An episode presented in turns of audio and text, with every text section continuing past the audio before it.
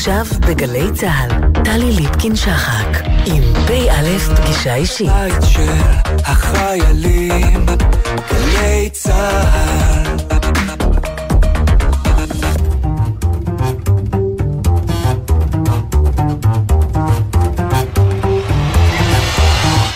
שלום לכם, שבוע טוב לכם. פ"א פגישה אישית משולשת בסופו של שבוע, אשר יותר מכל עמד בסימן שתי מלחמות שעוצמתן ופגיעתן עודן כפצע הפתוח בחיינו כפרטים וכחברה. 55 שנה למלחמת ששת הימים ו-40 שנה למבצע שלום הגליל ומלחמת לבנון הראשונה. באלה נדבר הערב, באז ובעכשיו ובעתיד. פ"א פגישה אישית משולשת, מתחילים.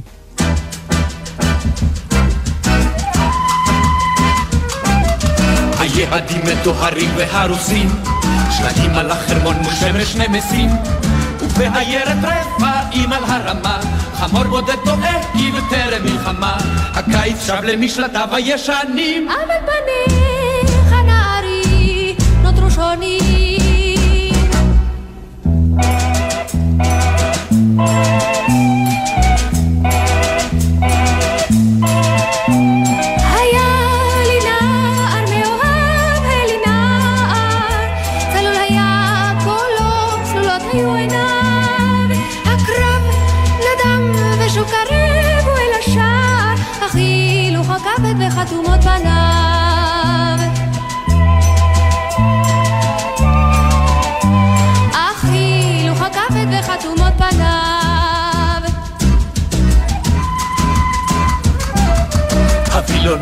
והנייר גורד, פקיד העירייה נעל את המקלט.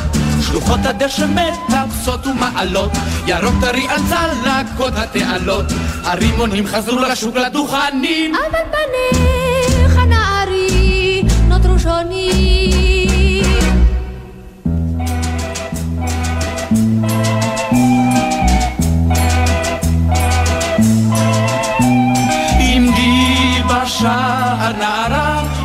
בשער, אני חוזר אלייך בדרכי עפר. הייתי נער נערה, הייתי נער, עכשיו חייכי אליי מוכרת ויפה.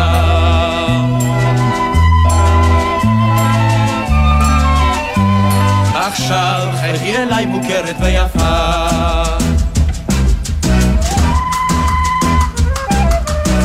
הילכנו בזקן, קיפלנו המדים, שתקנו ספיסרי וקפה עם ידידים. העניינים שווים אט אט למסלולם, לומדים לא להזכיר את אלה שאינם, לומדים לחזור להרגלים הישנים. אבל פניך נערי נותרו שונים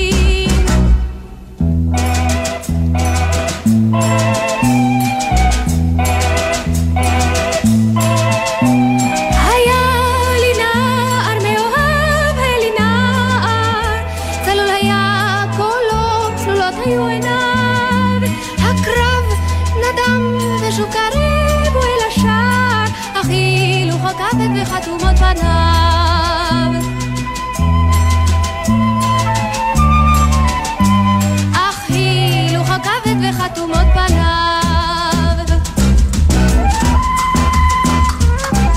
שוב החשמל חוגג בלילה ברחובות, שלטי האור מוכרים פלאפל ותקוות. על מדרכות בין שולחנות בירידים, המיני שב והשתלט על המדים, על גל העדר צועדים הפזמונים. אבל נערי נותרו שונים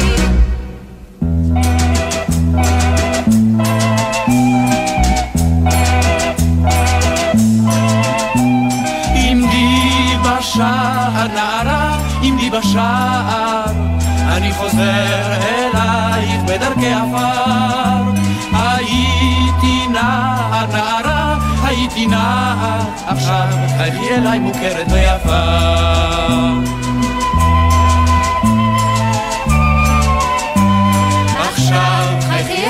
מוכרת ויפה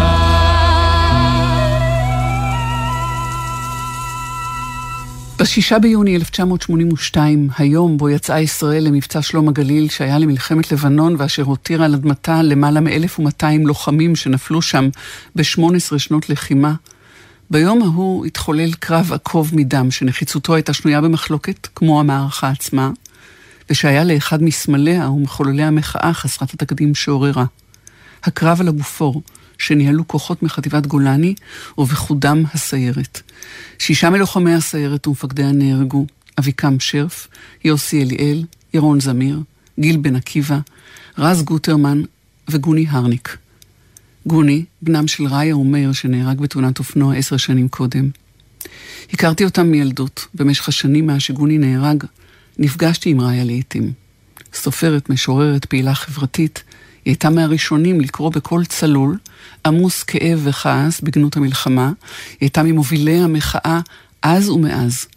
עכשיו נפגשנו שוב בדירת הדיור המוגן שלה בירושלים, כשהיא בת 89 ולא איבדה מחיותה. שאלתי את ראיה הרניק, איזו צורה מקבל הכאב אחרי 40 שנה? זה לא דבר סטטי, זה דבר שבא והולך. יש דברים שמקפיצים את זה, כאילו. גם דברים משפחתיים, דברים אה, שמחים. נולד עוד נכד, עכשיו יש לי נינים. כל הזמן מאחורי הראש המחשבה, אילו. אילו לגוני היו ילדים, אילו היו נכדים ממנו, איך הם היו, מה היה, מה הוא היה עושה, איזה מין דוד הוא היה, איזה מין סבא הוא היה. הדברים האלה הם כל הזמן בהתרחשויות אה, עמומות כאלה, אבל קיימות. גם לגבי החברה הישראלית. אני חושבת שאנשים, תראי, כמובן אני לא הכרתי את כל הנופלים בלבנון, אבל את אלה שהכרתי, וזה לא רק אה, ששת האנשים על הבופור. אני חושבת שהחברה הישראלית הייתה נראית אחרת אם הם היו חיים. אני חושבת שאנשים כמו גוני וכמו אביקם שרף, לגבי אחרים אני לא כל כך יודעת כי הם היו צעירים יותר. הם היו אנשים שהיו משנים דברים בחברה. וכל זה בזבוז נורא. בזבוז שלא היה נחוץ. אני לא יכולה לסלוח על זה. זאת אומרת, הרבה פעמים אני חושבת שאילו גוני היה נהרג בכוח צביקה על החרמון ב-73, היה לי יותר קל לקבל את זה. אולי לא מבחינה רגשית כל כך, אבל לפחות מבחינה שכלית, מבחינה תודעתית. כי בכל אופן, הוא הלך לצבא, הוא נשאר בצבא, הוא התקדם בצבא. הוא היה בצבא בשביל להגן על עם ישראל בגולן ב-73, לא בשביל לעלות לבופור ב-82. גוני, כשעלה לבופור, הוא חשב שהוא בדרך לעשות את הדבר הנכון. הוא ודאי חשב, אני לא יודעת אם הוא חשב שהוא עושה את הדבר הנכון מבחינה פוליטית. אני חושבת ש... המניע שלו, זה ברור לי לגמרי, לעלות לבופור היה בגלל החיילים. הרי הוא, אפשר להגיד בציניות מסוימת, שהוא נהרג בהתנדבות. הוא לא היה כבר מחוייל בכלל. הוא השתחרר. הוא השתחרר שבועיים קודם. אבל אה, אני חושבת שהאחריות שלו לחיילים שהוא פיקד עליהם במשך שנה וחצי קודם, זה מה שהניע אותו. מה שקרה הרי שהמפקד החדש נפצע. ואז אה, הוא לקח נגמ"ש וחבר לחיילים עם רגלות הבופור. אני חושבת שהוא עשה את הטוב ביותר שהוא היה יכול לעשות. אי פעם כעסת גם עליו, על זה שהיה חייל כל כך מורעל, כמו שאומרים היום, על זה שהיה... אהב את הצבא, הוא כילד חלם לכבוש את יריחו. כן. הצטער שכבר כבשו לו אותה קודם. לא, אני לא כעסתי עליו. כשמאיר נהרג בתאונת דרכים מטומטמת, מאוד כעסתי עליו, מאוד. לאורך שנים אפילו. מתוך הרגשה, איך עשית דבר כזה, ואיך עשית לי דבר כזה. לגבי גוני, לא הייתה לי הרגשה כזאת.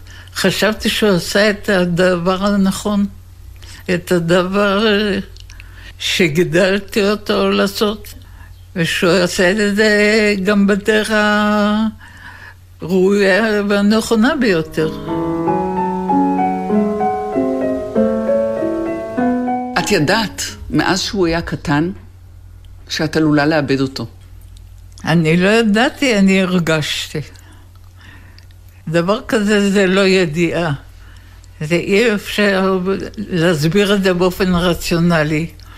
אבל זאת הייתה הרגשה שליוותה אותי לאורך הרבה שנים. למה? זה, זה דבר לא רציונלי. זה, אתה מסתכל בילד, ואתה אומר לעצמך, הילד הזה יהיה מדען גדול כשהוא יהיה גדול. יש לו אוסף של תכונות שמובילות אותו לכיוון כזה.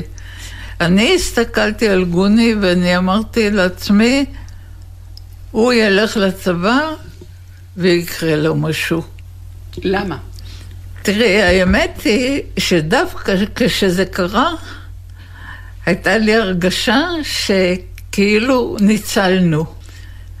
כי ברגע שהוא השתחרר, הוא אמר שהוא נוסע לטיול וככה, אמרתי, וואלה, טעיתי. עכשיו הוא ייסע לטיול, הוא יחזור, הוא יתחתן, הוא רצה לבנות משק, הוא רצה הרבה ילדים, הוא לא תכנן המשך של קריירה צבאית, למרות שאני לא בטוחה שזה לא היה קורה בדיעבד, אבל באותם השבועות המעטים האלה, הייתה לי הרגשה שיד הגורל כאילו שינתה מסלול. ואז? ואז כשעשינו לו מסיבת שחרור ביום שישי בערב לפני שהוא נהרג. ושבת הוא עבר על יד הבית ואמר שהוא חוזר לצבא. ואז פחות או יותר, אני לא אומר שידעתי, אבל שהייתה לי תחושה עמומה שזה לא ייגמר טוב. ואז זה לא נגמר טוב. בערב קודם הייתי כמובן צמודה לטלוויזיה, וראיתי את אריק שרון ואת בגין על הבופור, שהם אמרו שהוא נכבש ללא נפגעים. אני חושבת שאני הייתי האימא היחידה בין כל המשפחות שלא שמעה את המילה בופור קודם. כי כל האחרים שמעו מהבנים שלהם שמתאמנים על כיבוש הבופור. אבל גוני לא סיפר לי שום דבר על מה שקורה בצבא, אז אני לא ייחסתי את זה לגוני בכלל. אבל ביום שני בבוקר, מוקדם מאוד בשש, טלטלה הבת שלי, שהייתה פקידה פלוגתית בסיירת. ואני אמרתי לה, בוקר טוב, מה נשמע, מה שלומך? אז היא אמרה לי, אמא, אל תשאלי, איום ונורא. אז אמרתי לה, מה קרה? אז היא אמרה, אני לא יכולה לדבר עכשיו, אני בדרך לבית חולים. שאלתי אותה, יש הרבה פצועים? היא אמרה, כן, ונתקע. זאת אומרת שכבר הייתה לי איזו ידיעה מוקדמת שקרה משהו לא בהכרח לגוני. אני חושבת שאפילו היא לא הייתה בטוחה שגוני נהרג. שזה נודע לה שהיא נסעה לבית חולים לבקר את הפצועים האחרים. ואז בערך בשמונה, שמונה וחצי הגיעו חבורה, רופא ומישהי מקצינת העיר, חיילת צעירה מאוד, מאוד מבולבלת, עם שכנים שלי, והודיעו לי.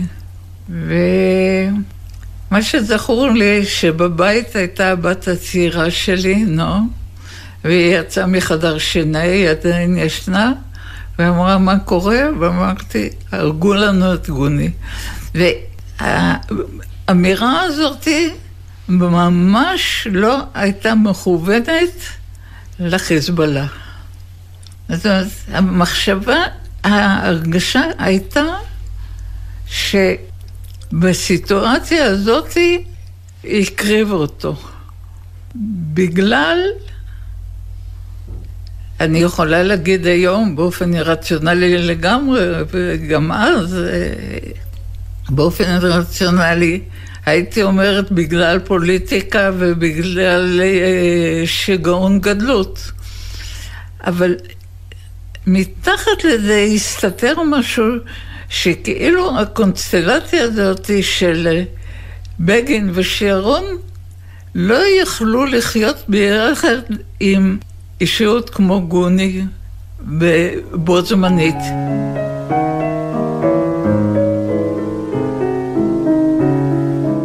אני לא חושבת שהוא היה יותר טוב או יותר מוצלח מ... מהחברים שלו ומהחיילים האחרים.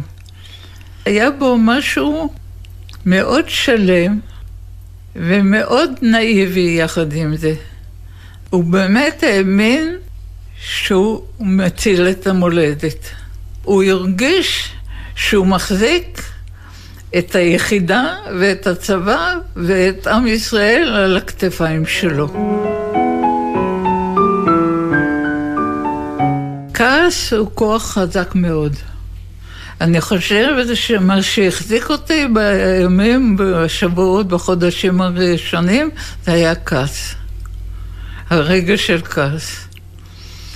והעובדה שיכולתי לתעל אותו בעזרת אנשים אחרים, הרבה בעזרת האנשים שמה שקוראים משפחת אבופור, שזה ביטוי שאני לא כל כך אוהבת, אבל uh, בעזרת האנשים האלה, שיכולתי לתעל את הכאב לכעס ולעשייה.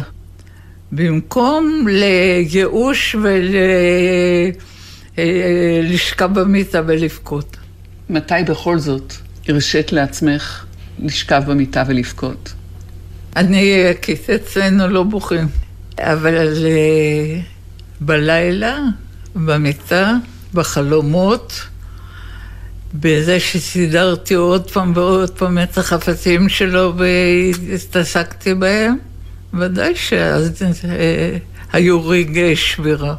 בדיאלוג בין הכעס לבין הכאב, מה מנצח אחרי כל כך הרבה שנים? תראי, ביום-יום ודאי שהכאב. כשמדברים על זה, כשאני עושה משהו, בעניינים האלה, אז זה היה כעס. אבל ביני לביני זה הכאב. זה לא שאני לא כועסת, אבל עכשיו הכעס הוא נהיה יותר תיאורטי. תראי, האנשים כבר לא בחיים. זה קשה מאוד לכעוס אה, באופן אקטיבי על אנשים שכבר לא איתנו. כשיצאתם להפגין מול הבית, ידעת שאת אה, למעשה פורצת איזה מחסום, יוצרת איזה תקדים, מחוללת תנועה, שהיא אה, תוביל קדימה שיח אחר בחברה הישראלית. תראי, זה, זה התחיל באופן מוזר מאוד, ההפגנות מול הבית של בגין, על השטיח בדירה שלי. דנה, שהייתה כאמור בסיירת, יחד עם בחור רועי ועוד בחור אורי, אה, לקחו בריסטול גדול וכתבו עליו נהרגו כך וכך חיילים, אני לא זוכרת כמה, עד מתי. משהו כזה, ציירו את זה על השטיח בבית שלי והתיישבו עם זה מול, עם קיצר מהמטבח שלי מול הבית של בגין. ואני מאוד עודדתי את הדבר הזה והצטרפתי כמובן. וככה העניינים התגלגלו. פחדת אי פעם שתשכחי משהו כמו ריח, כמו קול, כמו מגע? ממש לא. ממש ממש לא. אני לא חושבת שזה עלה בדעתי בכלל, שאני אשכח משהו. אני גם בקשר קרוב עם חברים שלו. אני בקשר לא כל כך רב בשנים האחרונות עם היחידה. הכתיבה שלך היא בשביל לא לשכוח? זה לא נכון, מפני שהשירים הראשונים, שבקובץ הראשון שהוצאתי, שירים לגוני, נכתבו כשהוא היה בן שש. אז לא הייתה בעיה של לשכוח או לא לשכוח. הייתה בעיה של לפחד לאבד אותו. כן. ולפרסם ו... כדי שגם אחרים לא ישכחו? במידה רבה זה הצליח. תראי, את הספר אה, לילדים גוני קוראים בכיתות ג' בכל הארץ. עכשיו הגיעה הנה עובדת סוציאלית חדשה, היא אמרה, אני גדלתי על הספר הזה. אז במידה שרציתי שהזיכרון שלו יישאר, ורציתי ועדיין אני רוצה, זה, זה הצליח. לפעמים אומרים, צריך לדעת לשחרר, להמשיך עם החיים. לא להמשיך לחיות באבל. זה לא סוג של אבל פתולוגי שאתה מפסיק לתפקד. הלכתי לסופר, הלכתי לעבודה, פגשתי אנשים, פעילות פוליטית. עשיתי כל מה שיכולתי, אולי זה קצת כמו תובע שמנפנף חזק מאוד בידיים בשביל לא לשקוע. יש כמובן הימים של בלוח השנה. עד הקורונה, החברים שלנו מירושלים, הצופים, היו הולכים לטקס של הצופים בהר הרצל, ואחר כך כולם באים אליי. עם הילדים שלהם, ועכשיו עם הנכדים שלהם. אחר כך, אה, ביום הזיכרון עצמו, היו באים חברים מהצבא. ביום השנה, אה, שאנחנו מציינים אותו בשישי ביוני באמת, המון המון חברים באים. וזה נמשך לאורך שנים. ואני מכירה את הילדים שלהם, ואני מכירה עכשיו את הנכדים שלהם. והם מזמינים אותי לחתונות ולאירועים משפחתיים שלהם. אז משהו ממשיך לזרום. יש בזה נחמה או איזה כאב של החמצה, שאת רואה את כל החיים האלה שיכלו להיות שלכם? יש תחושה של החמצה, אבל לא של קנאה ולא של כאב. אני מאוד אוהבת אותם, ואני קשורה אליהם. והם אנשים שתומכים בי. אף אחד מהנכדים שלך לא נקרא גוני. לא. אני חושבת שהשם הזה היה בו משהו מבחינת הנצחה טוב ורע. כי הוא שם מאוד ייחודי. יש מעט מאוד ילדים שקוראים להם גוני. ולכן הוא איכשהו, כשמישהו אומר עליי, זאת אמא של גוני, אז אנשים יודעים. אני חושבת שאם היו אומרים, זאת אמא של משה, זה לא היה נרשם לזיכרון הקולקטיבי. מצד שני, הוא כל כך ייחודי שאני מבינה שהילדים שלי לא רצו לקרוא לילדים שלהם בשמו. השירים שלך, אלה שכתבת בחייו, כשהיה ילד, ואלה שכתבת אחרי מותו. איזה מהם, אם את צריכה לבחור, אחד, הוא השיר? זה נכתב לפני שהוא נהרג. כמו חץ שילחתי אותך חופשי וגבוה. מטריי היו דרוכים עד כלות. ואתה עף חופשי וגבוה, ומבטי צר אחרי עקבות באופק, צל נמוג, חיוך עד כלות.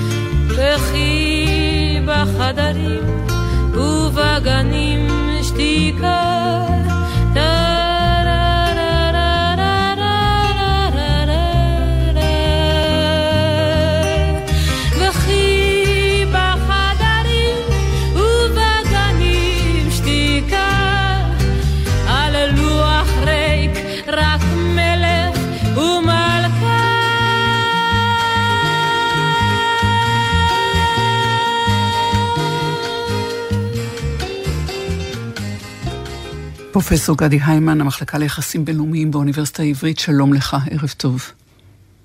ערב טוב, שלום טלי ושלום למאזינים.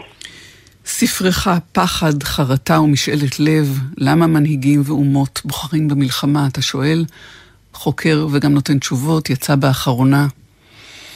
ואחרי השיחה עם ראיה הרניק, וכאב הלב הגדול הזה, למה פרופסור גדי היימן יוצאים למלחמות? ואם אפשר טיפה למקד את זה, במלחמות שאנחנו אה, זוכרים אה, בסוף השבוע הזה, ששת הימים, ומלחמת לבנון הראשונה, ואם יש איזה קו שמחבר גם בין שתי המלחמות האלה. כן, כמובן, אה, עצוב שאנחנו אנחנו מציינים מלחמות ואנחנו מתעצבים עליהן, כיוון שמלחמות אף פעם לא דבר משמח, אפילו כשמנצחים אותן. אה, והספר באמת מנסה להבין את הבסיס הרגשי מאחורי מלחמות. זה קצת יכול להפתיע, מלחמות הן נראות כדבר שיוצאים אליהם רק בשום שכל, איזושהי החלטה מאוד רציונלית, כיוון שהמשמעויות שלה הן אדירות.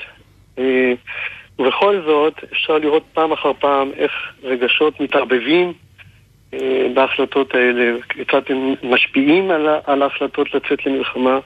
והספר בעצם עוסק בשלושה רגשות כאלה, בפחד, במשאלת לב ובחרטה. ואנחנו יכולים לראות את ההשפעה שלהם גם על שתי, שתי המלחמות שאנחנו מציינים השבוע.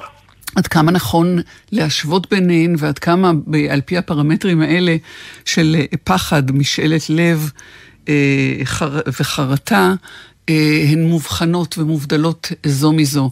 אנחנו רגילים לחשוב על ששת הימים כמלחמה שנכנסנו אליה עם הגב לקיר, עם תחושה של איום קיומי, ועל מלחמת לבנון הראשונה כמלחמה הראשונה של יש ברירה.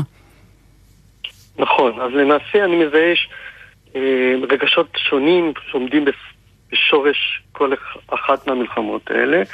בהקשר של מלחמת ששת הימים, כפי שציינת, אמנם הפחד היה מאוד דומיננטי.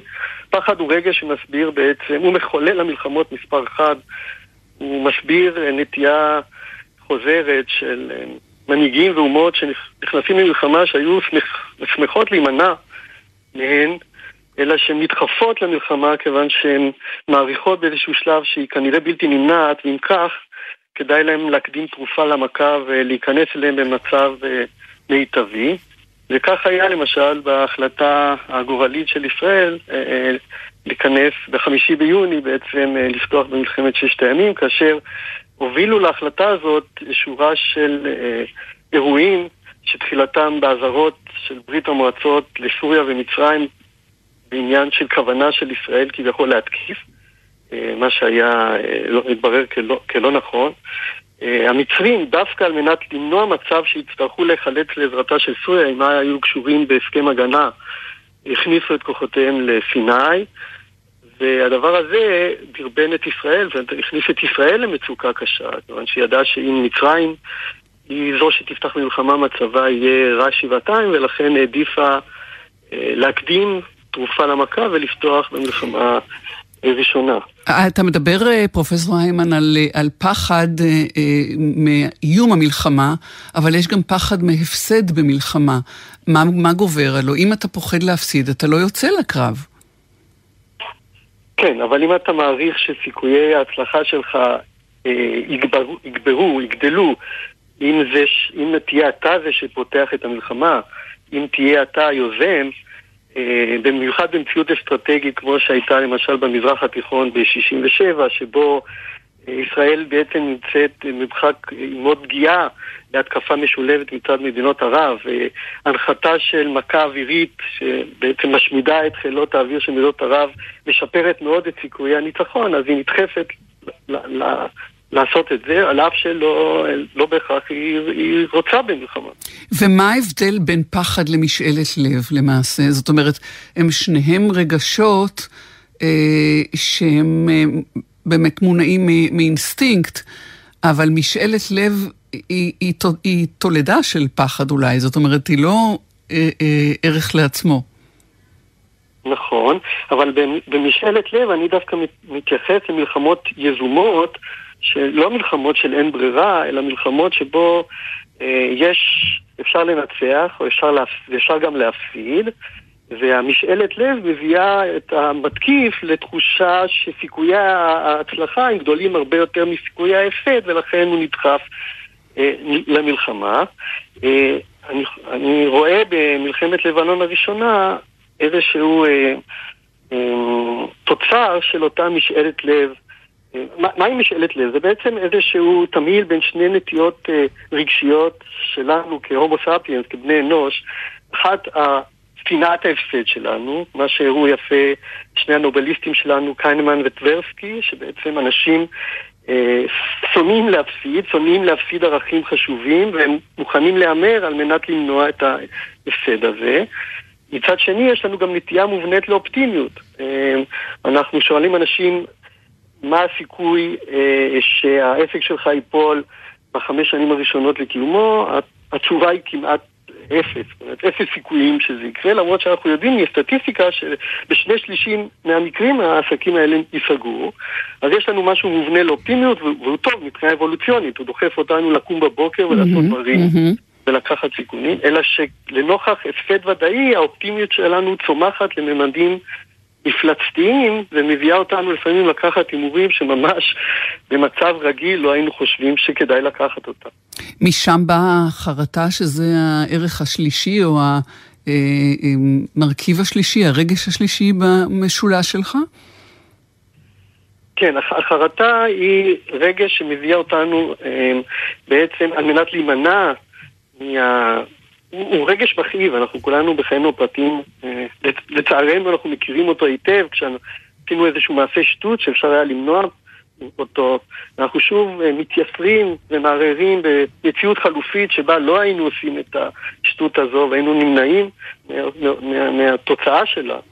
וזה מביא אותנו בעצם להיצמט בכל מיני כללים כמו לעולם לא עוד ולא נעשה את השטות הזאת בשנית, אלא שלפעמים הלקח הזה דווקא מביא אותנו לעשות שטות נוספת, וכך גם מדינות. זאת אומרת, כאשר יש איזושהי טראומה לאומית שנצרבת בתודעה הקולקטיבית, וגם אצל מקבלי ההחלטות, ומביאה למין כלל כזה שלעולם לא עוד, היא עלולה בסופו של דבר, ההצמדות לכלל הזה, בנסיבות שאינן מתאימות לה, עלולות להביא לאסון לאומי נוסף, כך קרה למשל כאשר צרפת ובריטניה, מתוך רצון להימנע ממלחמת עולם נוספת, אה, הם נקטו במדיניות פייסנית כלפי גרמניה של היטלר, ואנחנו יודעים מה הייתה התוצאה של זה בסופו של דבר.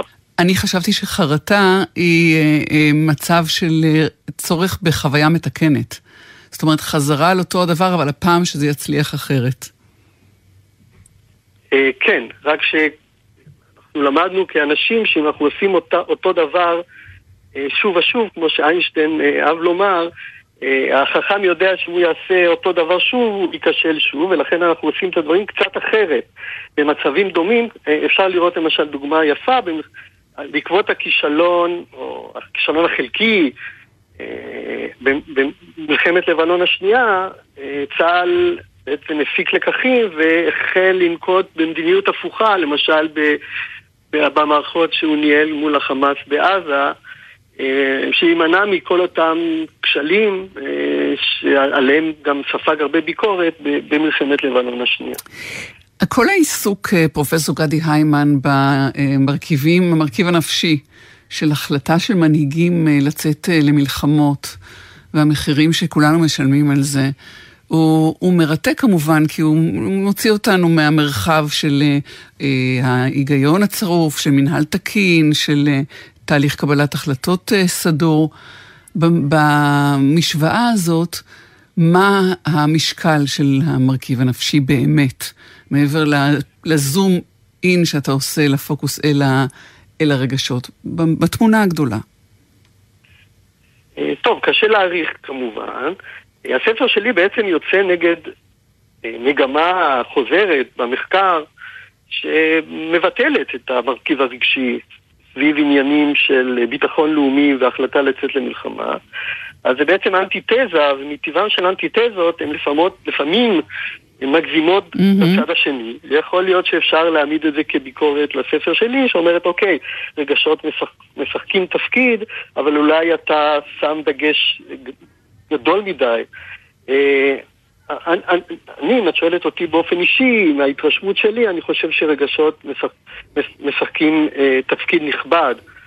אה, עכשיו, כש, כשאני אומר רגשות, חשוב גם לומר שלא מדובר ברגשות אישיים שקשורים לאישיות זו או אחרת של מנהיג, לפעמים, או פעמים רבות, מדובר ברגשות קולקטיביים אה, שהם מאפיינים אותנו כבני אדם, כן, באופן כללי, ולכן גם קשה, דרך אגב, אפילו אם אנחנו יודעים שרגשות משחקים תפקיד, אה, לא קל לנטרל אותם. אה, על ידי כך אולי להפחית את ה... את תופעת המלחמה המצערת. שזה, שזה באמת מה שרציתי לשאול, כי אם מדובר בפרטים, ביחידים, אז יחיד יש לו איזשהו סנטימנט כזה או אחר, איזשהו רגש, אבל הוא לא יכול לסחוף איתו את האחרים. אבל כשזה, כשזה קולקטיבי, זה כבר תהליך אחר. אבל הקולקטיב, מי זה הקולקטיב? זה מקבלי החלטות, או זה החברה שמקבלת את זה ולא שואלת שאלות? טוב, מקבלי ההחלטות הם חלק מה, מהציבור הכללי, וכאשר הרגש מפעם בציבור הכללי הוא גם מסתנן ומשפיע על מקבלי ההחלטות. אה, אנחנו יודעים למשל, אפשר להסתכל אה, הנסיבות שהובילו לפתיחתה של מלחמת לבנון השנייה. אה, אנחנו, כולנו כישראלים שחיינו אז חווינו את, הזעם על המעשה שעשה חיזבאללה, כן, כאשר כבר נסוגנו מלבנון ועדיין הוא החציף פנים, פגע בנו מחטיפת החיילים, ואי אפשר שאותו זעם ותחושת עלבון לא, לא תחלחל ולא תשפיע על קבלת החלטות. לא, את יכולה לומר כמובן שתפקידם של מקבלי החלטות זה לשפוך על עצמם אה, בקבוק מים קרים ולנהל את ענייניהם ואת קבלת ההחלטות בצורה יותר שקולה, אבל בפועל יש הרבה מאוד מנגנונים פסיכולוגיים שהופכים בעצם מביאים לכך שהרגשות עדיין ייקחו חלק, למשל על ידי רציונליזציה של ההחלטה. כן, זה לא רק מים קרים על עצמם, אלא גם על הציבור. זאת אומרת, אה, יש להם אחריות כלפי הציבור. אה, זה מאוד מעניין גם אה, בין המלחמות, במה שקוראים המערכה שבין המלחמות והסבבים הקטנים לכאורה, אבל המאוד מאוד קשים למי שעובר אותם, של רקטות בעוטף עזה ומקומות כאלה, שבהם הציבור מפתח איזה סנטימנט של רצון, אתה מדבר על פחד, חרטה ומשאלת לב, נוסיף לזה כעס. אה, זעם שהוא מחולל אה, של תהליכים, וה, והמנהיגים, הקברניטים, צריכים אה, להפעיל את שיקול הדעת כנגד הכעס, וגם לנטרל את הצרכים הפוליטיים שלהם. אבל זה, זה כבר מאמר מתחום פוליטיקה או ממשל, פחות יחסים בינלאומיים אולי, נכון? נכון מאוד. כן. פרופסור גדי היימן, פחד, חרטה ומשאלת לב, השאלה למה מנהיגים ואומות בוחרים במלחמה. נמשיך ונשאל עד שיבוא השלום. תודה רבה לך על השיחה הזאת, שלום. שלום, תודה רבה, טלי, להתראות. ציפי טרופה, שלום לך. שלום רב. במאית ומי שכתבה והפיקה את הסרט אויבת יקרה שלי, My Dearest Enemy. אה, אנחנו מדברים אה, היום, אה, הערב הזה, בשבוע של המלחמות. בעצם אנחנו מדברים בתהליך אה, מתמשך של... מלחמה אה, שלא נגמרת. מלחמה שלא נגמרת, והסרט שלך, אה, אויבת יקרה שלי, גם הוא על ציר הזמן, חברותן של שתי נשים, פלסטינית ויהודייה, שתיהן ישראליות, אם כי האחת גרות באבו תור, אז הן שתיהן ישראליות. כן. שחייהן מתפתחים כל אחת בכיוון שלה. אני רוצה לקפוץ איתך רגע לסוף. הסוף אופטימי? אני חשבתי, תראי, שכן, כי הרי הלכתי לבדוק אם אפשר בכלל חברות שמתחילה מגיל מאוד צעיר, שזה לא כל כך uh, נפוץ. ואיך זה מתחיל יותר מאוחר. והאם היא יכולה להימשך לאורך שנים, למרות כל מה שיש מסביבנו ומסביבן? והלכתי לשאול את השאלה ולראות אם בכלל זה אפשרי, והאמת היא שעל זה קיבלתי תשובה. על מה שלא קיבלתי תשובה אמיתית, זה מה, מה יהיה עם הילדים שלהם. Mm. זאת אומרת, אנחנו יכולות, האימהות, אה, להיות חברות, אנחנו יכולות אה, באמת ללכת עם, ה, עם הלב שלנו, או עם ה, באמת עם האמת הפנימית שאנחנו אוהבים מישהו, לא אוהבים מישהו. אבל נוכל להעביר את זה לילדים שלנו?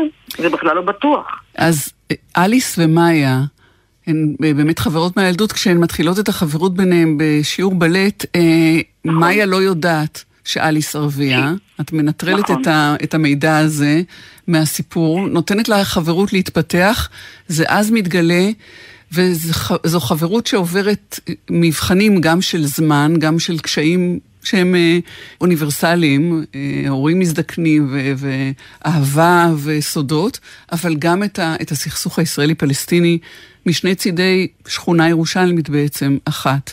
רק כביש מפריד ביניהן. רק כביש מפריד ביניהן, ואני שואלת לגבי האופטימיות בסוף, כי באמת הן, הן אוהבות אחת את השנייה. אבל למרות זאת, את אומרת, הילדים שלהם, אחד ילך לסיירת, ואחד כבר נבלע אל תוך uh, עולם uh, ההתנגדות הפלסטינית, ו, ושם זה כבר מתפצל. אנחנו מדברות אה, על, על, סרט, אה, על הסרט שלך שהוקרן אה, ביום שישי בסינמטק. כן. נכון. בצל או, או לאור או על רקע 55 שנים לששת נכון. הימים. נכון. זה אחרי שעשית לא מעט סרטים שנוגעים ל... למצוקות, או נגיד ככה, למטענים כבדים שאנחנו נושאים, שואה למשל. ואיך נכון. זה משתלב?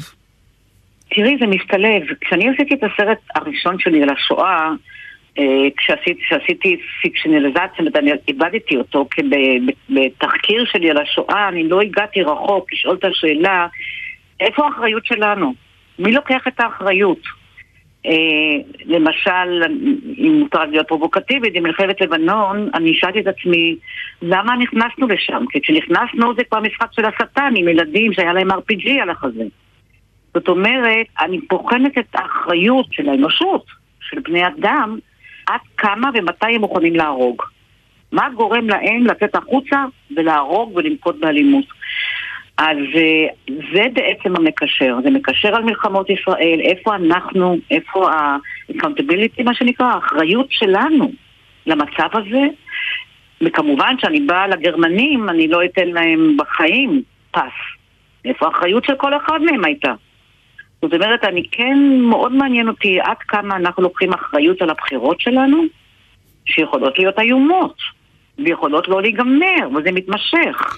בכל זאת, אה, ציפי טרופה, אני רואה גם אה, בסרט אה, ש, שצפיתי בו מתחילתו ועד סופו, שאת את, את נזהרת. את נזהרת מ, מלנקוט עמדה עד הסוף, וזה בסדר, את נותנת לנו את התמונה, ותעשו עם זה מה שאתם רוצים, תבינו מזה מה שתבינו, ו, ותסיקו מה שתסיקו. תראי, גם בדוקומנטרים, כי אני עושה הרבה דוקומנטרים על הנושא הזה עשיתי, וגם בסרטים עלילתיים, אני לא עושה סרט פרופגנדה. אני לא בעד, אני לא נגד, מה שאותי מעניין זה לשאול שאלות ולהבין את המורכבות של כל סיטואציה אנושית. אין לי מה, העמדה שלי היא רק תבוא אחרי שאני אנטרל את עצמי ואכנס לתוך מסלול או מסע של דמויות שדרכם אני שואלת את השאלות. למה אתם בוחרות את זה? למה אתם בוחרים את זה? מאיפה באות הבחירות שלנו? ואם אני באה עם דעה קדומה, זה בשבילי זה פרופגנדה או, או תעמולה, ולא אכפת לי בעד מי או נגד מי, זה לא מעניין. זה פשוט לא מעניין. ורוב הסרטים, תסלחי לי, הישראלים של החברים שלי הכי טובים, הם באמת אה, נוטים לצד אחד. הם יותר בוחנים את הסבל של הצד הפלסטיני. זה לא, אז טוב, בסדר, היינו, שמענו, יודעים, סבל רב, צריכים לדבר עליו, צריכים לשים אותו על השולחן. אבל אם רוצים למצוא איזשהו פתרון, אז צריכים להתחיל להבין מה זה בכלל. ואז אני אשאל אותך, ואת אה, פרופסור לקולנוע באוניברסיטת אה, ניו יורק, ו... את מושפעת מן הסתם גם מה... או, או מקשיבה למה ש... ואיך שרואים אותנו בעולם. אני אשאל אותך, עד כמה היוצרת שאת צריכה להיות מי שמשפיעה על דעת קהל, מטיפה, או פשוט לספר סיפור יפה? וזה התפקיד של מי שעושה לספר, קולנוע. נכון. אני רוצה לספר סיפור שגם אם את בצד השני הרחוק ממני, שהסיפור שלי תוך, נגיד בסרט עלילתי, ונגיד תוך רבע שעה, עשרים דקות, את תוכלי להתקרב לדמות שאני הולכת איתה, ולהחליט שאת רוצה להמשיך במסע יחד איתה. ואז להתחיל את השאלות שאני שואלת. זאת אומרת, תסריט טוב, אני לא מדברת עליי, בגדול, זה תסריט שלוקח את האנשים מכל הקצוות ומצליח, לפחות בזמן של הסרט, לפסוע בשביל, גם שביל הזיכרונות וגם שביל הדעות וגם שביל הרגשות של הגיבורים, גם אם הם גיבורים רעים, ולצאת מהסרט ואולי להיות קצת במקום אחר. אני באמת מאמינה בכוח של הסיפור לעשות את זה. וגם uh, בכוח של, uh, של הקולנוע להשפיע, או של התרבות uh, בכלל. אני מאוד מאמינה בזה. למשל, את לוקחת, אני יודעת שהתיאטרון פה באמת יכול להביא קהל. תיאטרון שבאמת שואל, שואל שאלות. לצערי בארץ, בייחוד עניין ההפצה הוא מאוד קשה לסרטים שמנסים, אני לא אומרת סרטים טובים כרגע או רעים, שבמהות שלהם יש להם דרמה אמיתית חזקה עם קונפליקטים, עם דמויות אמיתיות שבאמת פוסעות בשבילים לא קלים, ולבקש מהקהל שיפסע בשבלים האלה, ושהסרט יזכה להפצה כמו שצריך. זה פש, פחות, וגם אני חושבת שהיום, אני לא יודעת, אה, אין לי מספרים, אבל אני יודעת שעושים פחות פחות סרטים על הכיבוש, הוא לא בשיח בכלל, נעלם, ועל הקונפליקט בינינו לבין הערבים הוא רק, ישר, רק ישנו כשיש אלימות.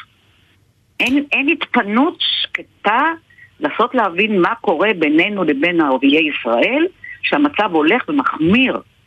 כי רק מתעסקים בלכבות את השרפות, ואפילו ללבות את השנאה, סליחה. אני רוצה להגיד לך, אני באמת בחורה אופטימית, אבל אני כבר, בייחוד בשנים האחרונות, במצב שאני...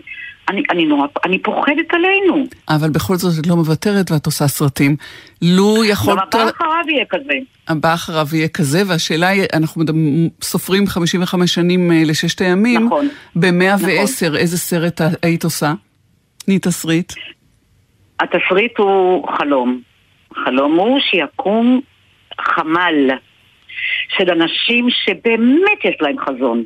לא אג'נדות, לא אינטרסים אישיים. יש לנו אנשים חכמים, טובים, וגם להם, גם לפלסטינים. אם לא יקום חמ"ל כזה, ושהם ישבו ויפתחו את הראש איך אנחנו מפתחים מצפן לאומי שירצה שאנחנו נמשיך לחיות ושהילדים שלנו יחיו שלנו ושלהם. איך אנחנו נגשים פה חלומות? ציפי טרופה, שתחי וטוב. במאית הסרט אויבת יקרה שלי, תודה שדיברת איתנו, שלום. תודה, תודה, ביי.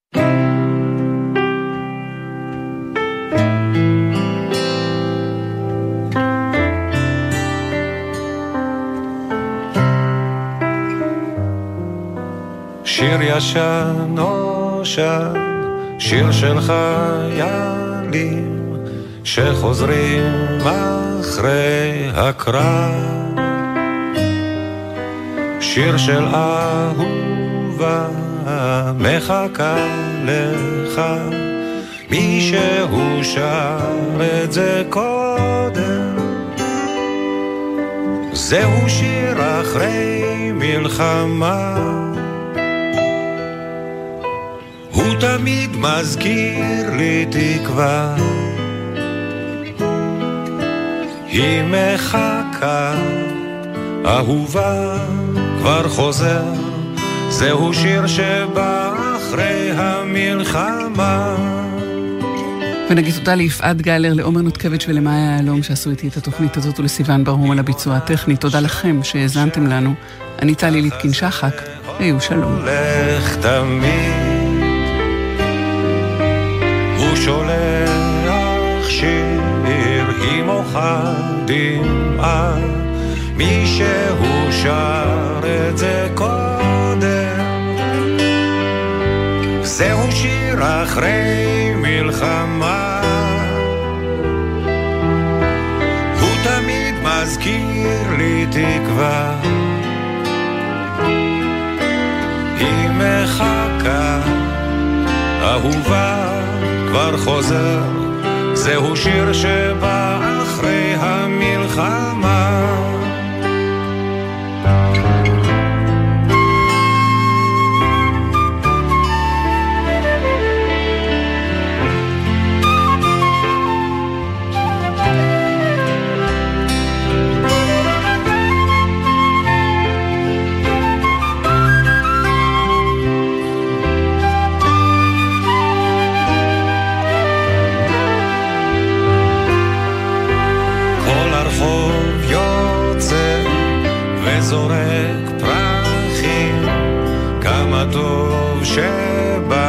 שבשלום.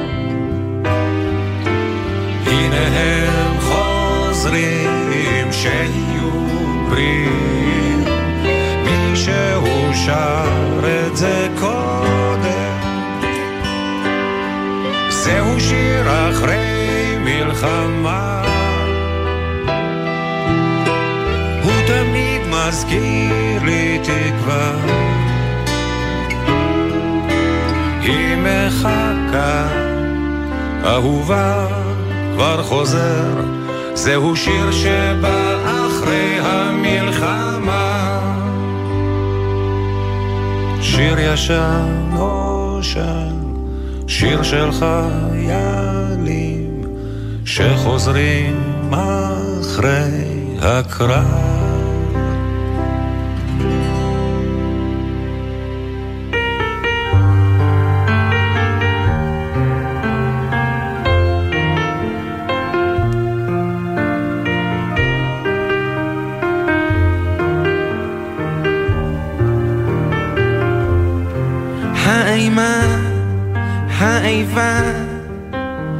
קולות המלחמה ושנאת אחים שבכל יום גוברת. הזקנה מביכה, הם מתים פה מבושה, בקולם הם לא חשים ואת שותקת.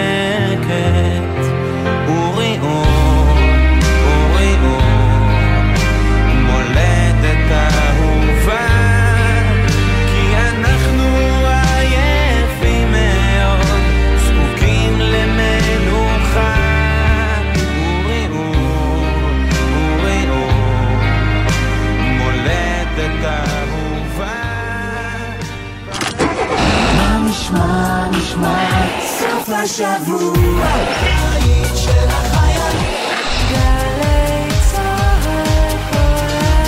גלי צה"ל, יותר מ-70 שנות שידור ציבורי. אתם מאזינים לגלי צה"ל.